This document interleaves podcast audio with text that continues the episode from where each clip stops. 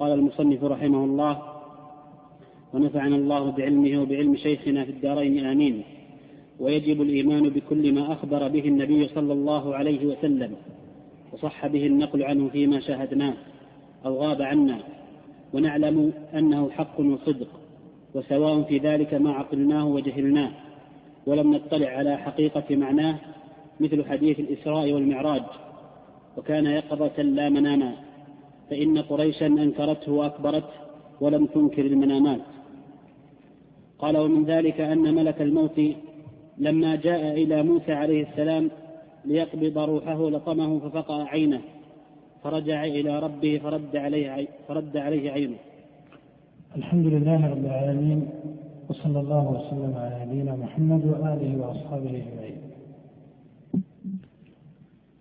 بعدما ذكر المصنف رحمه الله في الفصل الثالث مسألة الإيمان وبان فيها ما ذهب إليه أئمة السلف من القول في مسمى الإيمان وأنه قول وعمل يزيد وينقص. وذكر أهل المصنف جملة من الدلائل من الكتاب والسنة على هذا التقرير وتبين مما سبق أن هذا الأصل هو أول أصل حصل فيه نزاع بين أهل القبلة والأقوال في هذا ترجع في الجملة إلى نوعين من البدعة إما بدعة الوعيدية من الخارج والمعتزلة وإما بدع المرجئة. وإن كان المرجئة ليسوا وجها واحدا بل هم طوائف شتى ومنهم الغالية الذين اشتدوا في هذه المقالة على قدر من التغليظ في كلام السلف في شأنه ومنهم دون ذلك وهم من يسمون مرجئة الفقهاء الذين أخرجوا العمل عن مسمى الإيمان. وهؤلاء سبق ما يتعلق بمقالتهم وأن مقالتهم مخالفة للإجماع المتقدم عليهم. بعد ذلك ذكر المصنف رحمه الله هذا الفصل وترى أن جمل هذا الفصل تتعلق في الجملة بما يسمى عند المتأخرين بالسمعيات فإنهم إذا ذكروا مسائل اليوم الآخر وما يتعلق بالمغيبات سموا هذا القسم بالمسائل السمعية.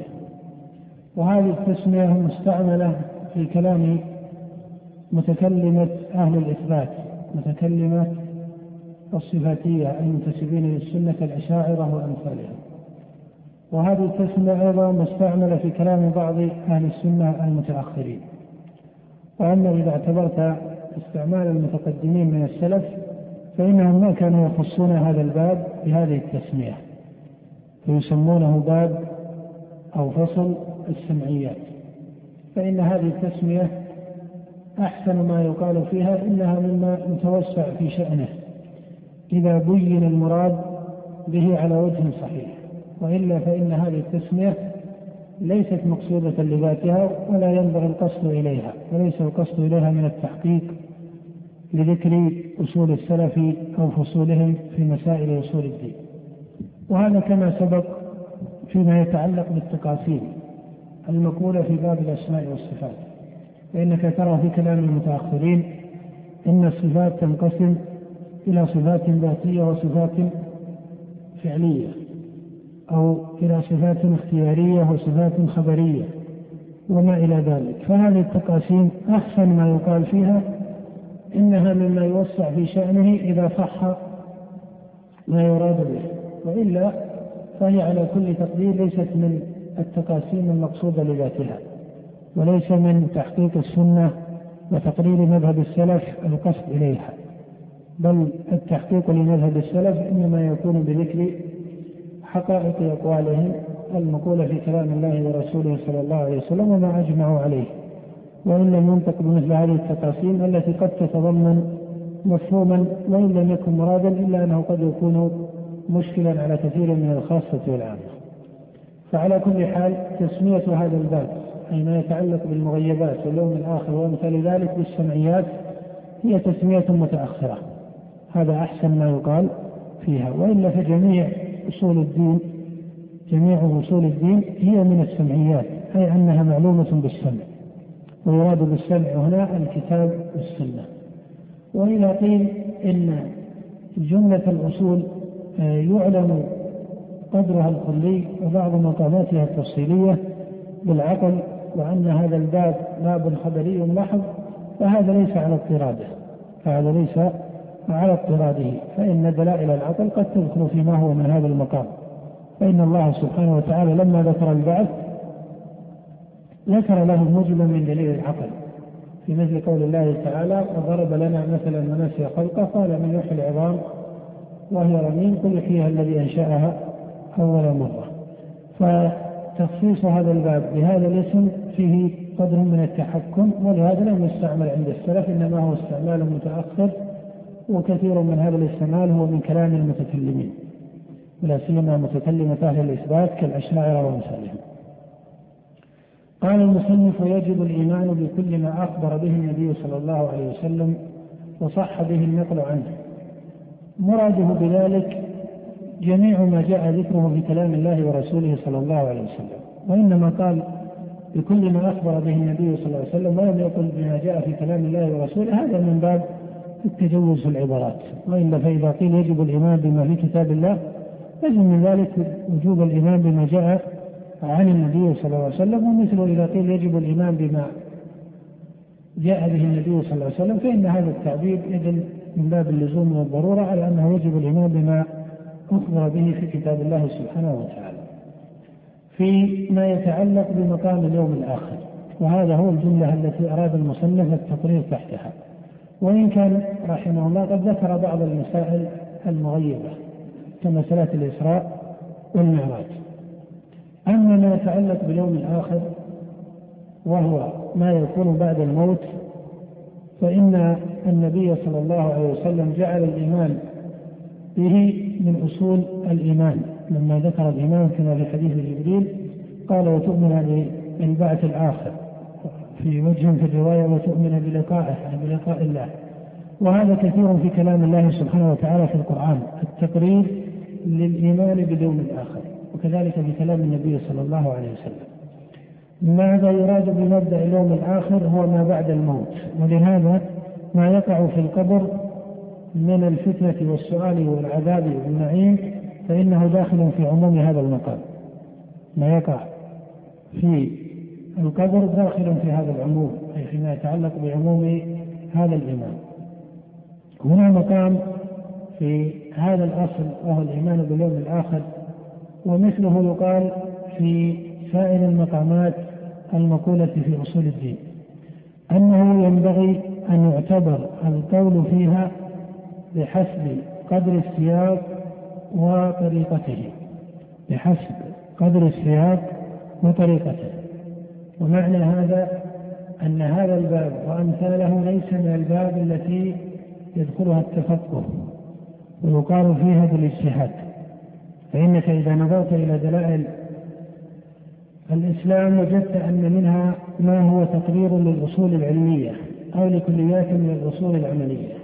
فهذا لا يقال فيه بالتفقه. الذي يراد بالتفقه هنا الاجتهاد والظن واختلاف أقوال المجتهدين وما إلى ذلك. وإنما يوقف فيه على الصريح من الخبر. فمن ضبط خبرا عن الله أو عن رسوله صلى الله عليه وسلم من جهة الثبوت في السنة ومن جهة الدلالة أيضا في السنة والكتاب من ضبط يقال به ويكون الإيمان به واجبا ولازما وأما ما كان من المعاني محتملا فإن هذا المعنى المحتمل لا ينبغي القصد إلى الجزم به إثباتا أو أو نفيا. وإن كان من يثبته يمكنه أن يستدل على إثباته نوعا من الاستدلال. وكذلك من ينفيه يمكنه أن يستدل على نوع على نفيه بنوع من الاستدلال. فإن الإثبات والنفي في هذه المقامات لا يكون إلا بإيش؟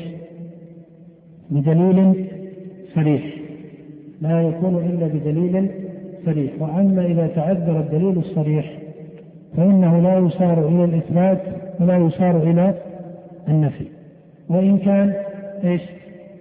وإن كان الناقد يمكنه أن يستدل على الإثبات أو أن يستدل على النفي فإن المقام هنا ليس من جنس مقام الأفعال التكليفية.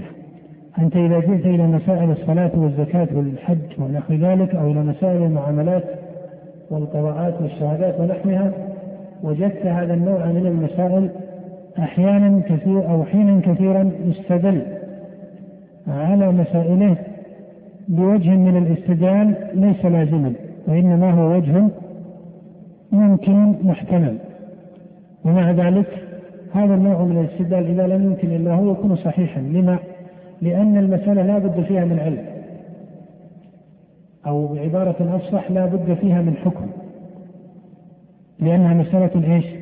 تكليفية مثلا لحم الإبل هل ينقض الوضوء أو لا ينقض الوضوء؟ قد تقول هل في المسألة نص صريح قاطع؟ كلا ليس فيها ما هو من النص الصريح القاطع إنما فيها نصوص محتملة كقول النبي صلى الله عليه وسلم في حديث جابر بن سمرة لما قيل له يا رسول الله أنا أتوضأ من لحم الغنم؟ قال لا. قيل أنا أتوضأ من لحم الإبل؟ قال نعم. أو قال في الغنم في الرواية الأخرى إن شئت. وقال في الإبل نعم. فهل قوله صلى الله عليه وسلم نعم أراد به الوجوب أم أراد به الاستحباب؟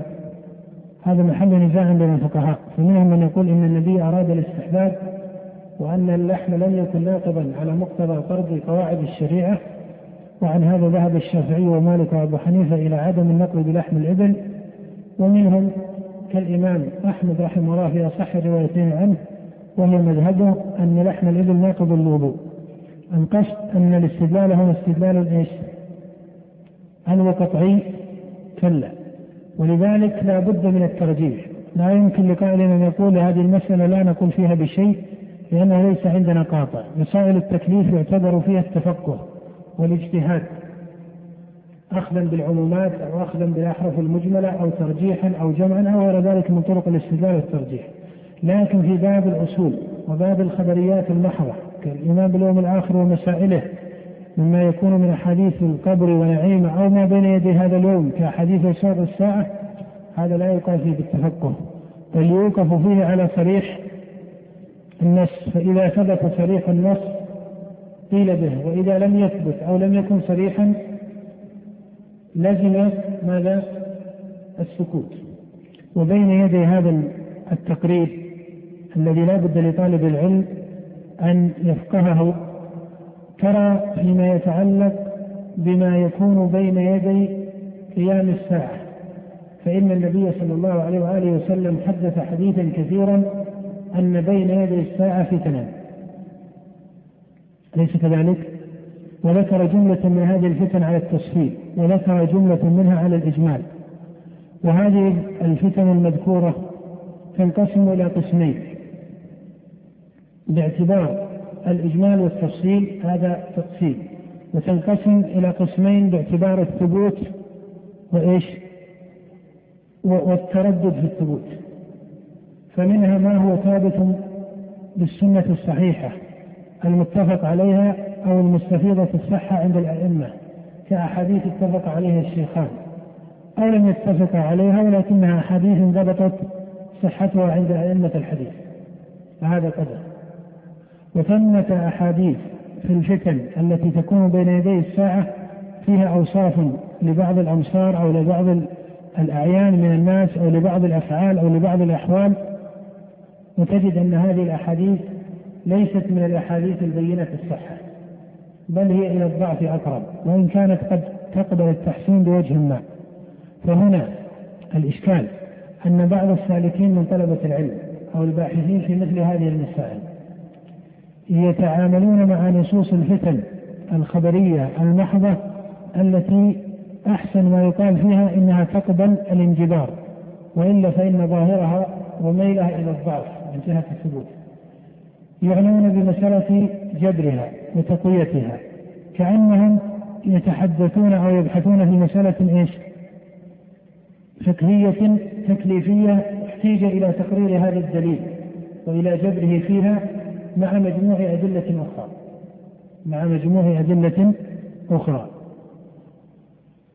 فيصير تحت هذا التحصيل الجزم بثبوت مثل هذه الفتن وأشد من ذلك حين يصار إلى تفصيل تحقيقها. فربما سميت بعض الحوادث القائمة أو استقرأت بعض الحوادث القائمة أو المستشرفة القيام على أنها هي التي حدث بها النبي صلى الله عليه وسلم في حديث كذا وحديث كذا. هذا الاستشراف لهذه الأحاديث كاستشراف كثير من الناس لأحاديث المهدي. وما يتبعها وما يقارن خروج المهدي من الأحوال والفتن وما إلى ذلك. فيسمون الأحوال بأنها كذلك. هذا لا شك أنه من التكلف ولا شك أنه ليس من الانضباط السليم.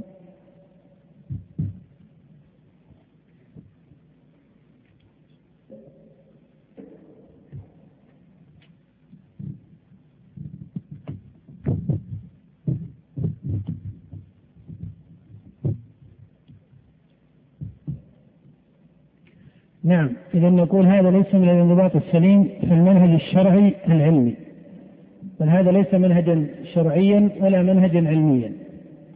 وأشد من ذلك حينما تستقرأ الفتن التي بين يدي الساعة حينما تستقرأ هذه الفتن من كتب من من كتب بني إسرائيل التي أحسن ما يقال فيها أنها كتب بني إسرائيل التي قال الرسول عليه الصلاة والسلام لا تصدقوا أهل الكتاب ولا تكذبوهم فهذا نهي عن تكذيبهم ولكنه أيضا نهي عن عن تصديقهم. وعليه فاعتبار ما في كتبهم لا يجوز من جهة التصديق له فإن الشارع قد بين أن ما في كتبهم لا يصدق ولا يكذب وإن قال عليه الصلاة والسلام حدثوا عن بني إسرائيل ولا حرج لكن التحديث ليس هو التصديق وبناء الأحوال أو الأقوال أو الأفعال على مثل هذه النصوص. هذا فضلا عن أن مراده صلى الله عليه وسلم بما في كتب أنبيائهم أو المنسوبة إلى أنبيائهم التي دخلها التحريف. وليس مراده صلى الله عليه وسلم بذلك ما كتبه بعض أحبارهم أو بعض رهبانهم ورجال الدين عندهم من متأخرين فإن كثيرا من هذا الكلام اخترعه وابتدعه بعض آه، متأخري رجال النصرانية أو رجال اليهود وكذبوه على أنبيائهم وعلى أصحابهم المتقدمين في ديانتهم. فإذا هذا الباب لا بد من ضبطه على هذا الاعتبار. وإذا كان كذلك فجميع ما ذكر المصنف في هذا الفصل يستعمل أو تستعمل فيه هذه القاعدة. تستعمل فيه هذه القاعدة. ولهذا لا ينبغي لطالب العلم أن ينتظر التفصيل في غير ما صرح النص بإيش؟ بتفصيله. ولهذا يوقف في هذه الأحاديث على قدرها التي ذكرت من التعبير، وأما ما فوق ذلك فإنه لا يقال فيه لا بإثبات ولا بنفي. نعم. قال ومن ذلك أن ملك الموت لما جاء إلى موسى عليه السلام قال مثل حديث قبل يسير قال مثل قال ولم يطلع على حقيقة معناه مثل حديث الإسراء والمعراج وكان يقظة لا مناما نعم الإسراء ذكره الله في كتابه. قال الله تعالى سبحان الذي أسرى بعبده ليلا من المسجد الحرام إلى المسجد الأقصى الذي باركنا حوله لنريه من آياتنا. فالإسراء ذكر صريحا في القرآن. وأما المعراج فإنه متضمن الذكر في كلام الله سبحانه. ولكن جاء تفصيله في كلام النبي صلى الله عليه وآله وسلم كما في الصحيحين وغيرهما من رواية جماعة من الصحابة كأبي ذر وأبي هريرة ومالك بن صعصع وغيرهم. فهذا ذكر معراج النبي صلى الله عليه وسلم وقد أسري به من مكة من المسجد الحرام كما هو صريح في كلام الله. سبحان الذي أسرى بعبده ليلا من المسجد الحرام. فيقال إن النبي صلى الله عليه وسلم أسري به من المسجد الحرام. فهذا إلى بيت المقدس وهذا صريح في القرآن. ثم عرج به عليه الصلاة والسلام إلى السماء وكان مسراه إلى بيت المقدس ومعراجه إلى السماء يقظة لا مناما وهذا هو الذي درج عليه أئمة السلف رحمهم الله وهو الذي حدث به الرسول صلى الله عليه وسلم أصحابه. فإنما كان حديثه صلى الله عليه وسلم عن وقوع هذا على سبيل اليقظة وأما أن هذا كما يزعم بعض من ينكر ذلك يخالف العقل فليس بصحيح. هذا ليس مخالفا للعقل بل هذه قدرة الله والله سبحانه وتعالى على كل شيء قدير.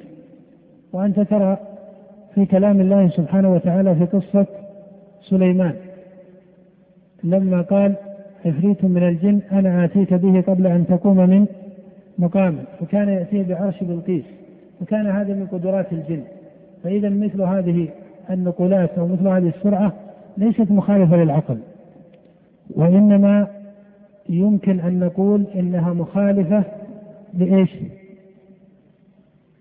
مخالفة للحس الآدمي المحدود وهذه قاعدة لابد لطالب العلم وللشاب عموما وللمسلم أيا كان مقامه أن يتفطن لها أنت تقول إن العقل لا يعارض إيش؟ النقل.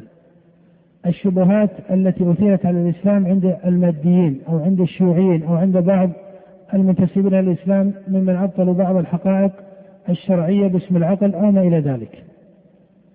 ليس هناك تعارض في مسألة واحدة بين العقل وبين النقل ولكن يفرق بين ما يسمى بالضرورة العقلية والضرورة الحسية المعينة. الضرورة العقلية لا تخالف النقل لكن الحس المعين قد يقع. ولكن هل الحس محكم ومعتبر أم ليس محكما؟ الحس ليس محكما. إذا قال قائل هذا الخبر في كلام الله يخالف الحس نقول نعم الحس هذا حس يسير وليس محكما حتى يعارض به إيش؟ حتى يعارض به النقل.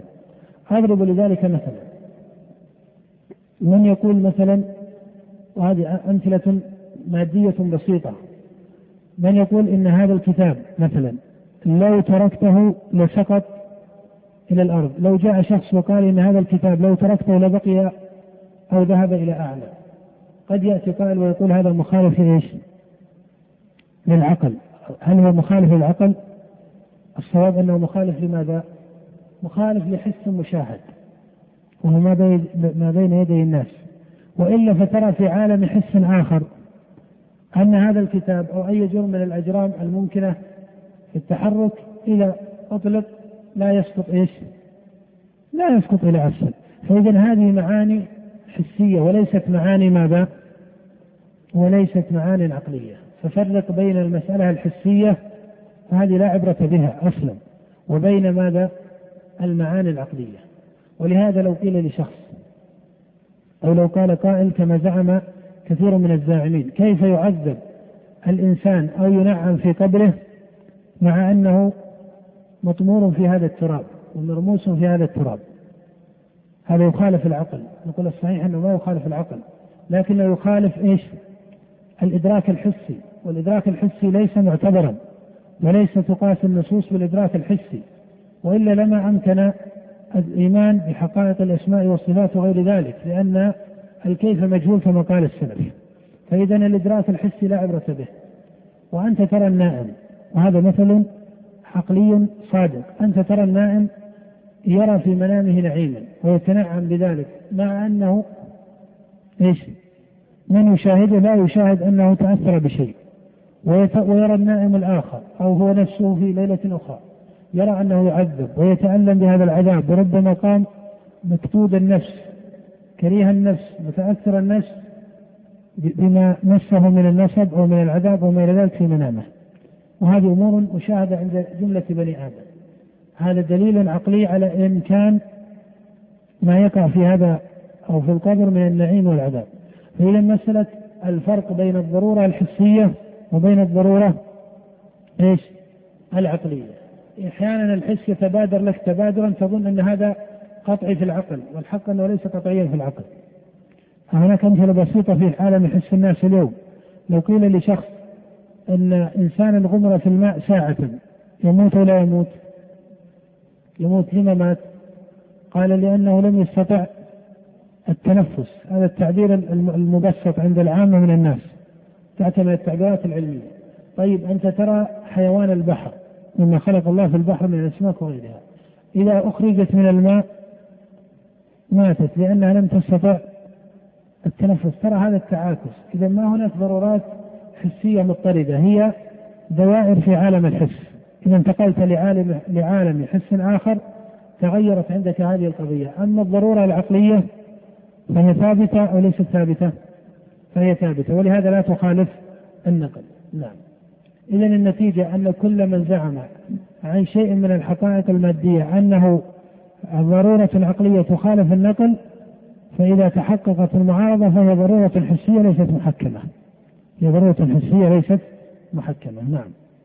قال وكان يقظة لا مناما فإن قريشا أنكرته وأكبرته ولم تنكر المنامات. وهذا من من فقه الاستدلال. قال إن قريشا أنكرت معراج النبي ولو كان مناما لما أنكرته على التخصيص لما أنكرته على التخصيص. نعم.